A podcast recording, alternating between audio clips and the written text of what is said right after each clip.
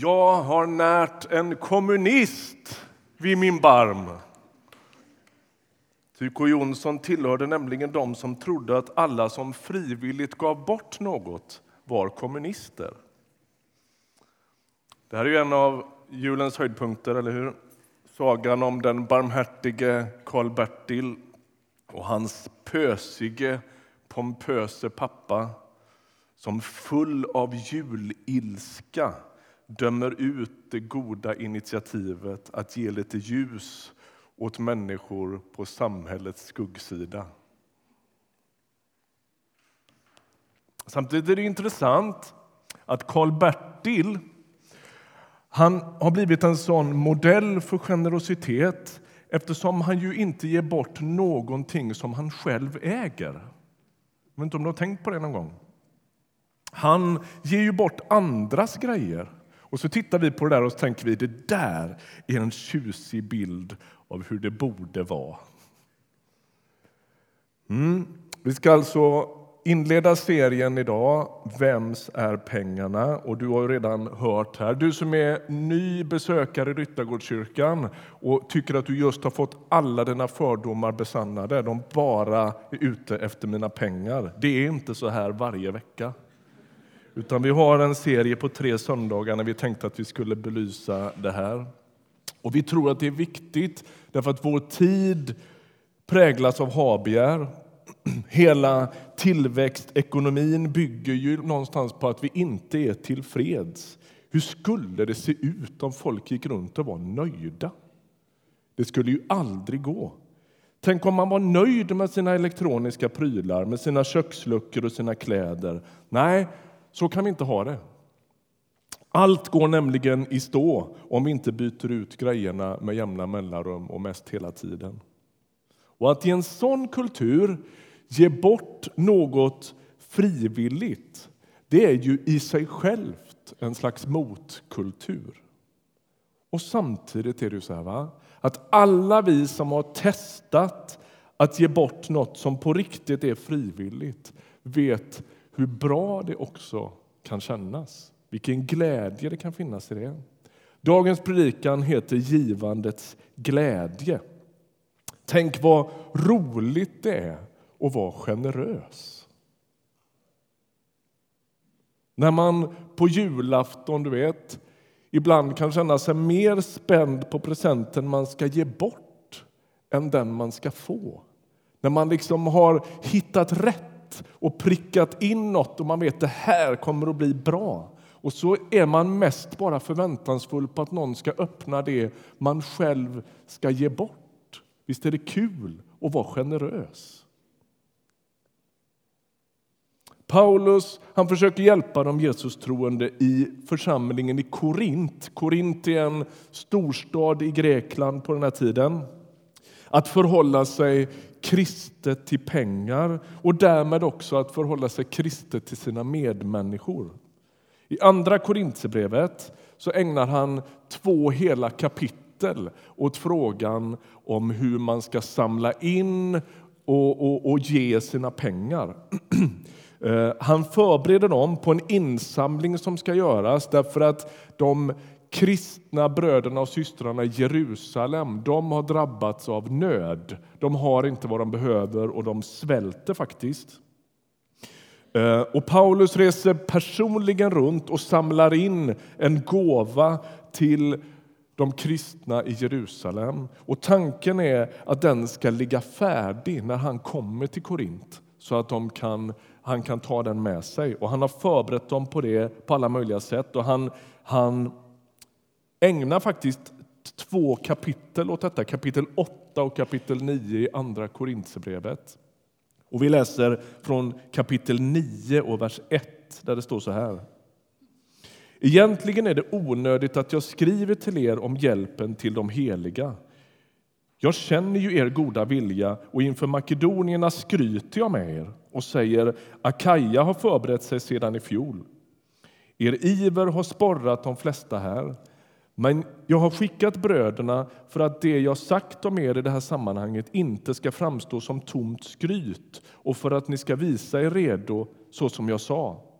Annars får jag, för att inte tala om er själva, stå där med skam i den här saken om några makedonier följer med mig och finner att ni inte är förberedda.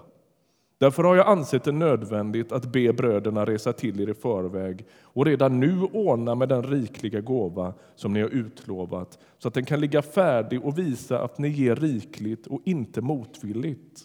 Kom ihåg, den som sår snålt får en snål skörd och den som sår rikligt får en riklig skörd.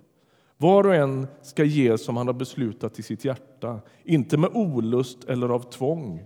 Ty Gud älskar en glad givare. Gud förmår ge er allt gott i överflöd så att ni alltid har vad ni behöver och själva kan ge i överflöd till varje gott ändamål. Vi stannar där. Och det är den här, från den här texten vi har hämtat det här uttrycket Gud älskar en glad givare. Om du är lite van kyrkbesökare tror jag du känner igen det uttrycket. Och ibland tänker jag att vi har använt det uttrycket och det har låtit lite hurtigt och lite som en slogan nästan. Vi pressar varandra till generositet i värsta fall och sen ska vi dessutom vara glada under tiden. Annars blir Gud lite sur. Han gillar inte gåvan om den inte ges med glädje. Är det så? Är det så? Ja, men vi ska läsa den här texten lite noggrant några minuter nu. Paulus befinner sig alltså i Makedonien och församlingen i Akaja, vilket är den region där Korint ligger, har gett löfte om att man vill vara med i det här stödet. Och det där löftet, säger Paulus, som de har gett, de har alltså gett ett muntligt löfte på förhand. Ja, men vi räknar med oss, vi är med.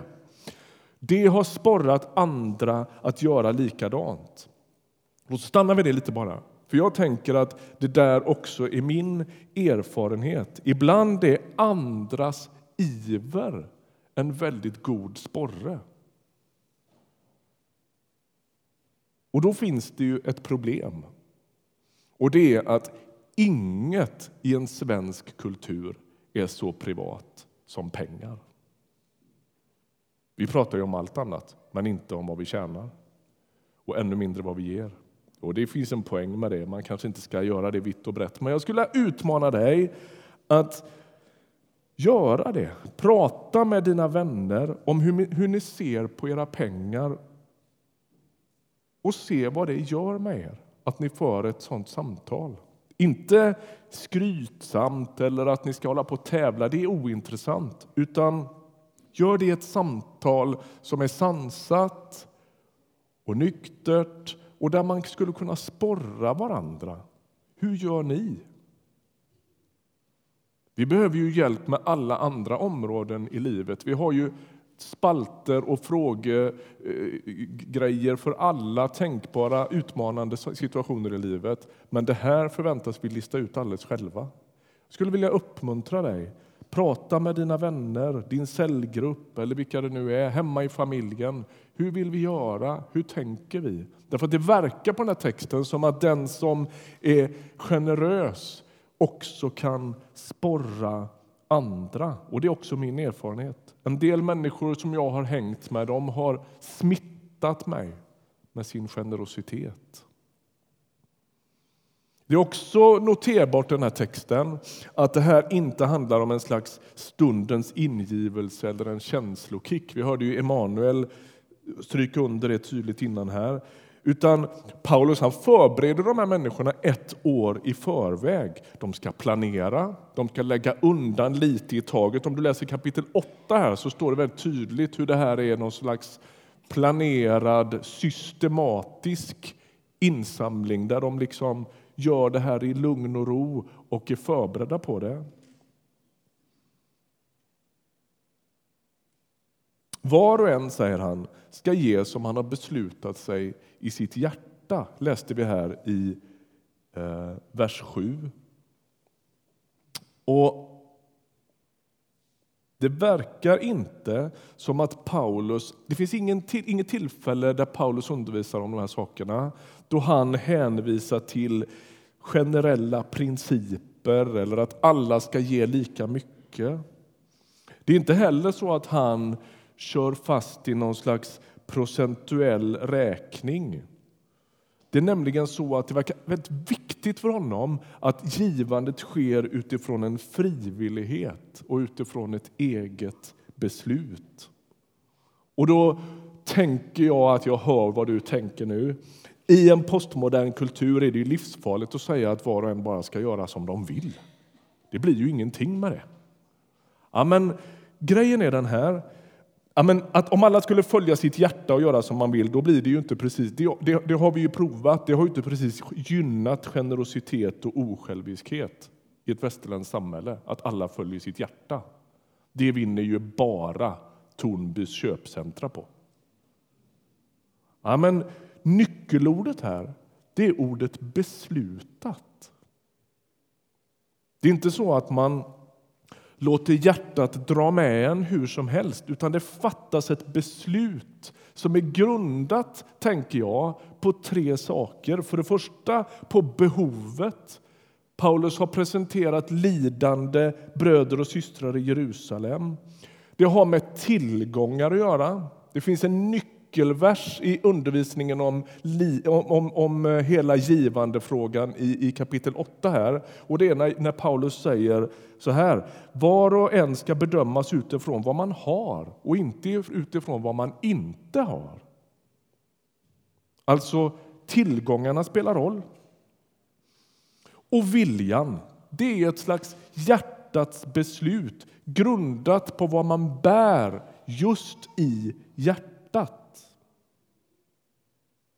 Ett hot, menar Paulus, mot givandets glädje det är det som står i vers 7, nämligen olusten och tvånget. Om man ger utifrån en känsla av att ha blivit manipulerad eller att ha blivit tvingad till det, då är det inte bra. Gång på gång i Bibeln så talas det om hur människan har fått sin frihet. Och Gud slåss för den där friheten väldigt målmedvetet. Tvånget kommer från demonerna och friheten kommer med Jesus Kristus. Alltså, när vi talar om att ge av sina pengar så Ja, men kyrkor har i sina sämsta stunder manipulerat fram givande. Vi vill inte hålla på så. Utifrån en sån här text så är det en fråga om en respekt för det du har beslutat i ditt hjärta. Kliv inte över det. Inte av olust eller av tvång, ty Gud älskar en glad givare. Alltså, poängen är inte att ett flåsigt kollekttal ska få oss att ge lite mer än vi hade tänkt och sen med argumentet att det dessutom ska göras i glädje. Och vi ger inte heller för att vi inte vågar något annat. Allt det där luktar olust och tvång, alltså motsatsen till glädjefylld generositet. Nu uppstår en fråga. Hur ser vi till att det här inte blir ett låst cirkelresonemang där vi liksom ger upp och resignerar? Ja, men eftersom jag inte är särdeles glad åt att ge bort någonting överhuvudtaget utan känner mig mer som Tyko Jonsson som inte vill ge bort något så är det väl bättre att låta bli då, så att jag inte råkar göra det utan glädje. Ja, men då kommer, vi läser en, en bibeltext till, Matteus sjätte kapitel. Det här är Jesus som undervisar i bergspredikan. Och så säger han så här, vers 19 till 21. Matteus 6. Samla inte skatter här på jorden där mal och mask förstör och tjuvar bryter sig in och stjäl. Samla skatter i himlen där varken mal eller mask förstör och inga tjuvar bryter sig in och stjäl. Ty där din skatt är, där kommer också ditt hjärta att vara. Alla som har köpt något riktigt dyrt du vet det där som man länge har spanat på, som man har sparat till, som man har längtat efter, vet vad det här vill säga. Man sparar och längtar och så till sist har man möjlighet att skaffa det. Då är det som att pengarna och ägodelarna äger en märklig förmåga att binda vårt hjärta. Hjärtat hjärtat rör sig i riktning mot det jag har lagt mina pengar på. Det tror jag vi alla lite ärligt kan, kan, kan hålla med om. Va? En del grejer som har varit liksom dyra att skaffa och som vi har längtat efter och spara till, de blir viktiga för oss. Det är ju självklart. Så är det ju. Lägg märke till vad Jesus säger här och lägg märke till vad han inte säger här. Han säger inte där ditt hjärta är kommer din skatt att vara. Nej, rörelsen är den motsatta. Det verkar vara skatten som leder hjärtat, inte tvärtom. Och vet du, det där är väldigt hoppfullt. Om det stod tvärtom, att ditt hjärta, där ditt hjärta är kommer också din skatt att vara, då vore det liksom lite förutbestämt. Okej, okay, mitt hjärta rör sig mot det här hållet, alltså kommer också mina pengar att röra sig åt det här hållet. Och om mitt hjärta inte rör sig åt det här hållet, då kan jag inte göra något åt det. Det blir liksom lite ödesbestämt. Okej, okay, jag råkar födas som en girig typ. Tafflack. Jag ser en del andra här som är lite mer generösa. Ja, då är det så. Men det står inte så, utan det står precis tvärtom. Alltså, en möjlighet öppnar sig här. Man kan ta sin peng och leda sitt hjärta genom att lägga den pengen på rätt ställe. Hjärtat kan ledas. Det här är väldigt hoppfullt.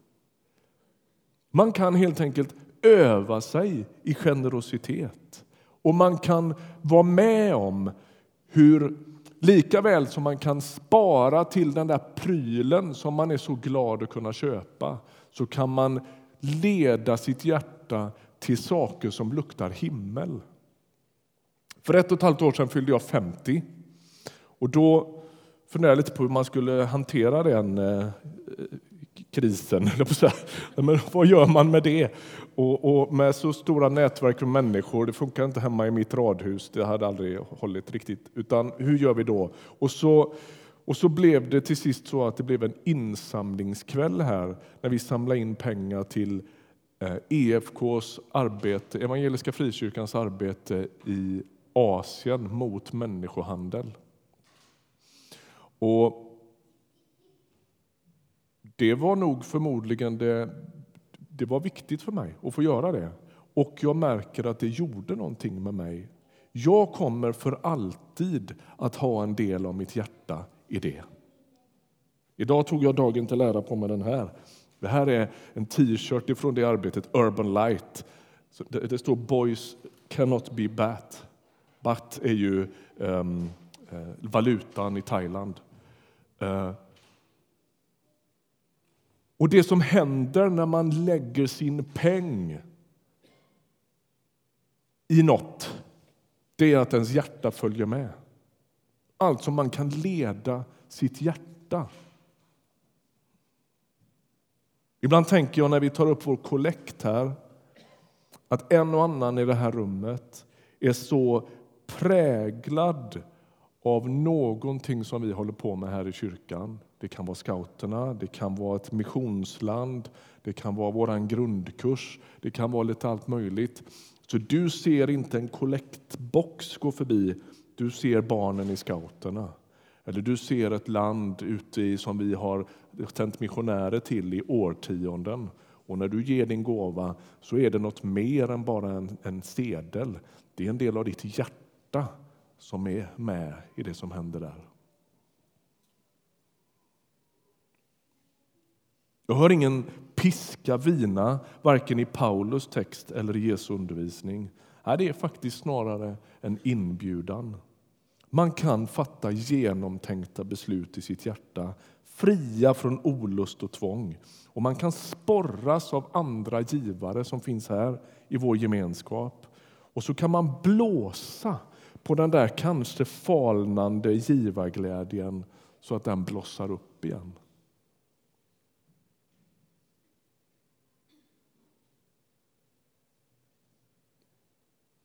Det är kort sagt inte säkert att glädjen kommer först och gåvan sen. Ibland är det tvärtom. Ibland är det som att jag kan leda mitt hjärta genom min gåva och plötsligt blåser jag inte bara på givandet, jag blåser också på min egen falnande glädje. Det är min upplevelse. Så kan det vara ibland. Slutligen, när jag satt och arbetade med den här predikan så slog mig något som jag inte riktigt har tänkt på förut. Precis som korintierna gladdes över att få vara med och ge.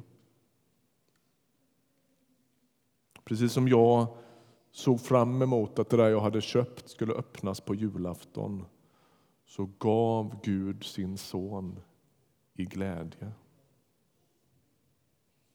Före tidens början, det är vad Bibeln säger, så hade Gud fattat ett beslut. Att en dag ska han sända sin son till världen.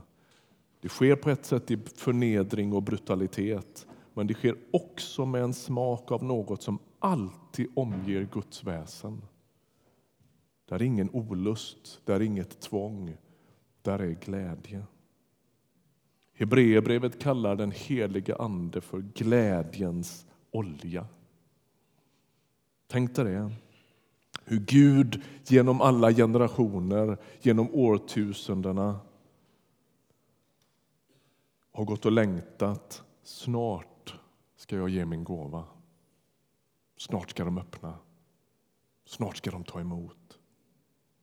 Snart ska den lämnas över. Det sker i glädje. Det som händer när vi börjar ge av glädje det är därför att vi börjar påminna om Gud. Det är på det sättet vi dras in i någon slags kretslopp som finner sin lust i att välsigna, som finner sin glädje i att dela med sig och där man binder sina hjärtan, inte vid grejer utan vid människor och vid Guds gärningar. Det som inte kan rosta och förlora i värde. Så egentligen tänker jag att den här texten är enda rungande välkommen med på vandringen mot ett liv i generositet och glädje där vi allt mer börjar likna den Gud som gav. Vi ber tillsammans.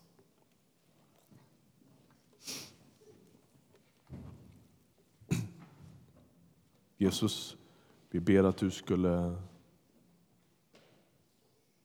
forma våra hjärtan. Hjälp oss att påminna allt mer om dig.